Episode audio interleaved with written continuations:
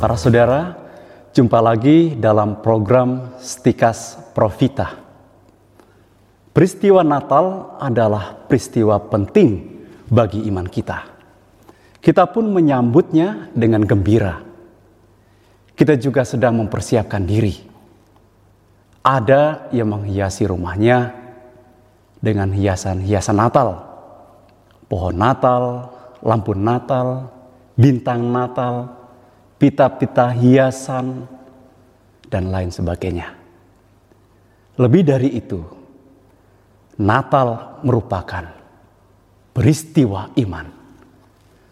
Allah menjadi manusia dalam wujud seorang bayi lemah yang lahir dalam kemiskinan dan kesederhanaan di Bethlehem. Lalu, jika kita bertanya, siapakah di antara tokoh Advent yang paling bahagia? Jawabannya adalah Bunda Maria. Dia adalah tokoh penting dalam Advent selain Nabi Yohanes dan juga Nabi Yesaya. Dia bukan tokoh yang meramalkan kedatangan Yesus sang juru selamat seperti yang digaungkan oleh Nabi Yesaya dalam perjanjian lama. Atau yang memaklumkan pertobatan supaya bangsa Israel meluruskan jalan hidup mereka seperti yang dilakukan oleh Yohanes Pembaptis. Tetapi dialah yang secara langsung menantikan kedatangan Yesus Kristus yang sedang dikandungnya. Marialah yang paling bahagia tetapi juga mungkin dadakan menantikan dalam kecemasan kelahiran putranya. Marialah yang sesungguhnya tokoh langsung masa Advent. Dan bersama dengan Yosef mereka menantikan bayi mereka. Tidak ada seorang pun yang tahu tentang besarnya rahmat yang diterimanya. Mungkin dia sendiri juga tidak tahu. Hanya Allah yang tahu seluruhnya rahasia hidup Maria dan manusia pada umumnya bagi kita, Natal yang sebentar lagi kita rayakan adalah peristiwa yang mengagumkan. Allah menjadi manusia. Sesuatu yang tidak mungkin dan tidak terpikirkan oleh para cendekiawan Yunani. Bahkan oleh orang-orang Israel sendiri. Namun hal itu terjadi. Orang Israel percaya bahwa suatu saat akan datang Mesias yang menyelamatkan Israel. Tetapi mereka tidak pernah tahu kalau Mesias itu adalah Allah sendiri.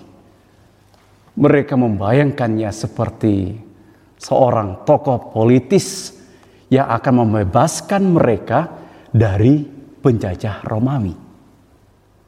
Allah yang menjadi manusia dan lahir dari seorang manusia, seorang perempuan sederhana yang tidak masuk dalam hitungan para tua agama pada waktu itu.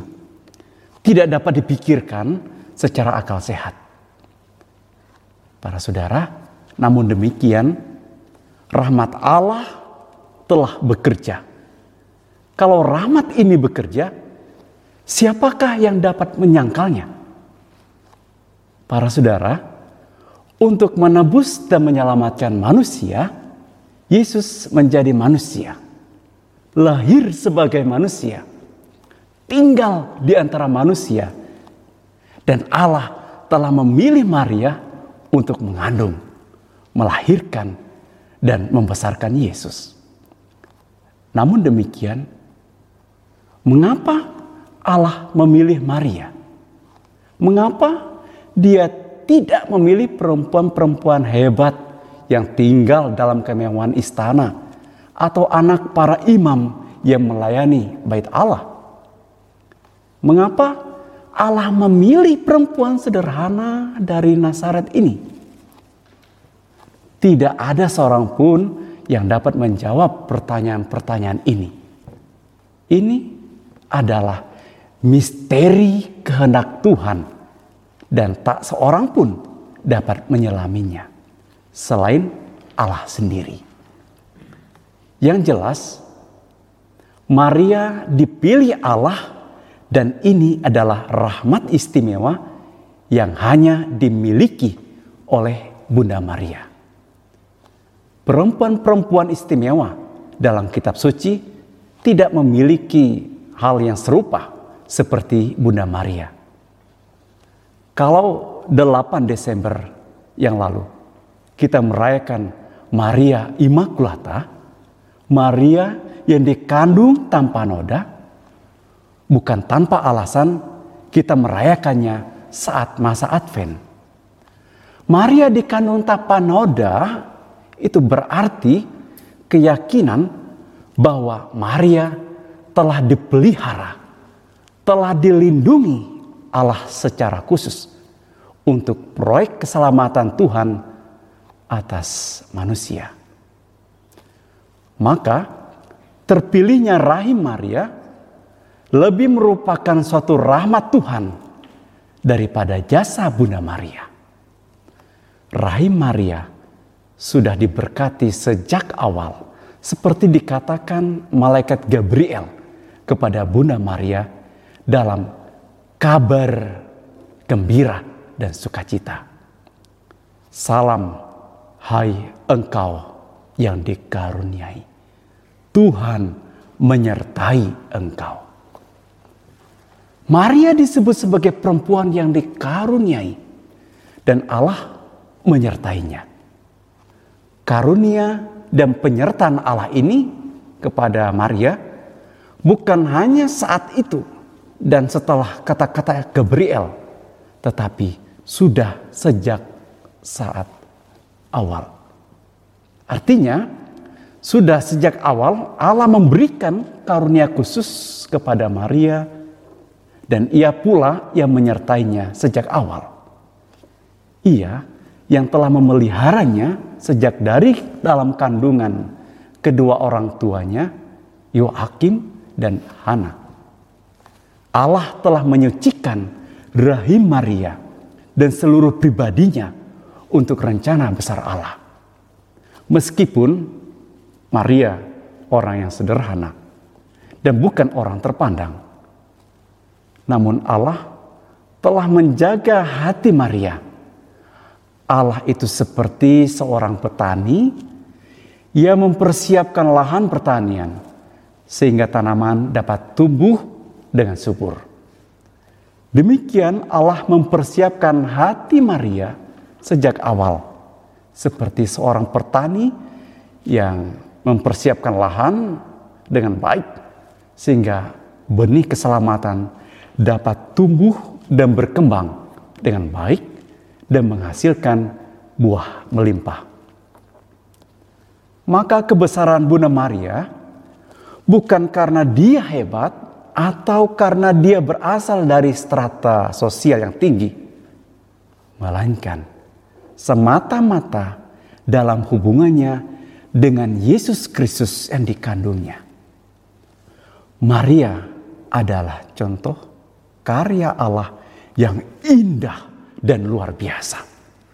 Allah memilih orang yang rendah, orang-orang yang tidak diperhitungkan dalam hidup masyarakat untuk menjadi alat bagi karya keselamatannya. Terhadap misteri pemilihan Allah ini, Maria hanya melambungkan pujian kepada Tuhan.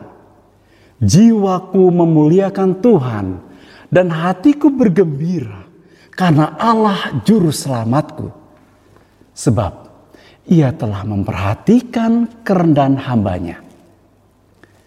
Sesungguhnya mulai sekarang segala keturunan akan menyebut aku bahagia. Karena yang maha kuasa telah melakukan perbuatan-perbuatan besar kepadaku. Perempuan sederhana ini terbuka terhadap karya besar Allah. Begitu besarnya rahmat Allah yang bekerja dalam Maria, sehingga dia layak dihormati. Dari rahimnya lah sang penyelamat lahir. Maria adalah tokoh utama Advent. Dia adalah tokoh penantian yang senantiasa berjaga-jaga. Para saudara, maka bersama Maria kita menantikan kedatangan juru selamat kita, Yesus Kristus, yang membawa kegembiraan, sukacita, dan keselamatan. Semoga kelahiran Yesus menguatkan kita, terutama masa pandemik ini. Dialah harapan kita yang kita nanti-nantikan. Semoga para saudara mencintai dan memahami kebenaran, sehingga akhirnya diselamatkan. Salam Profita.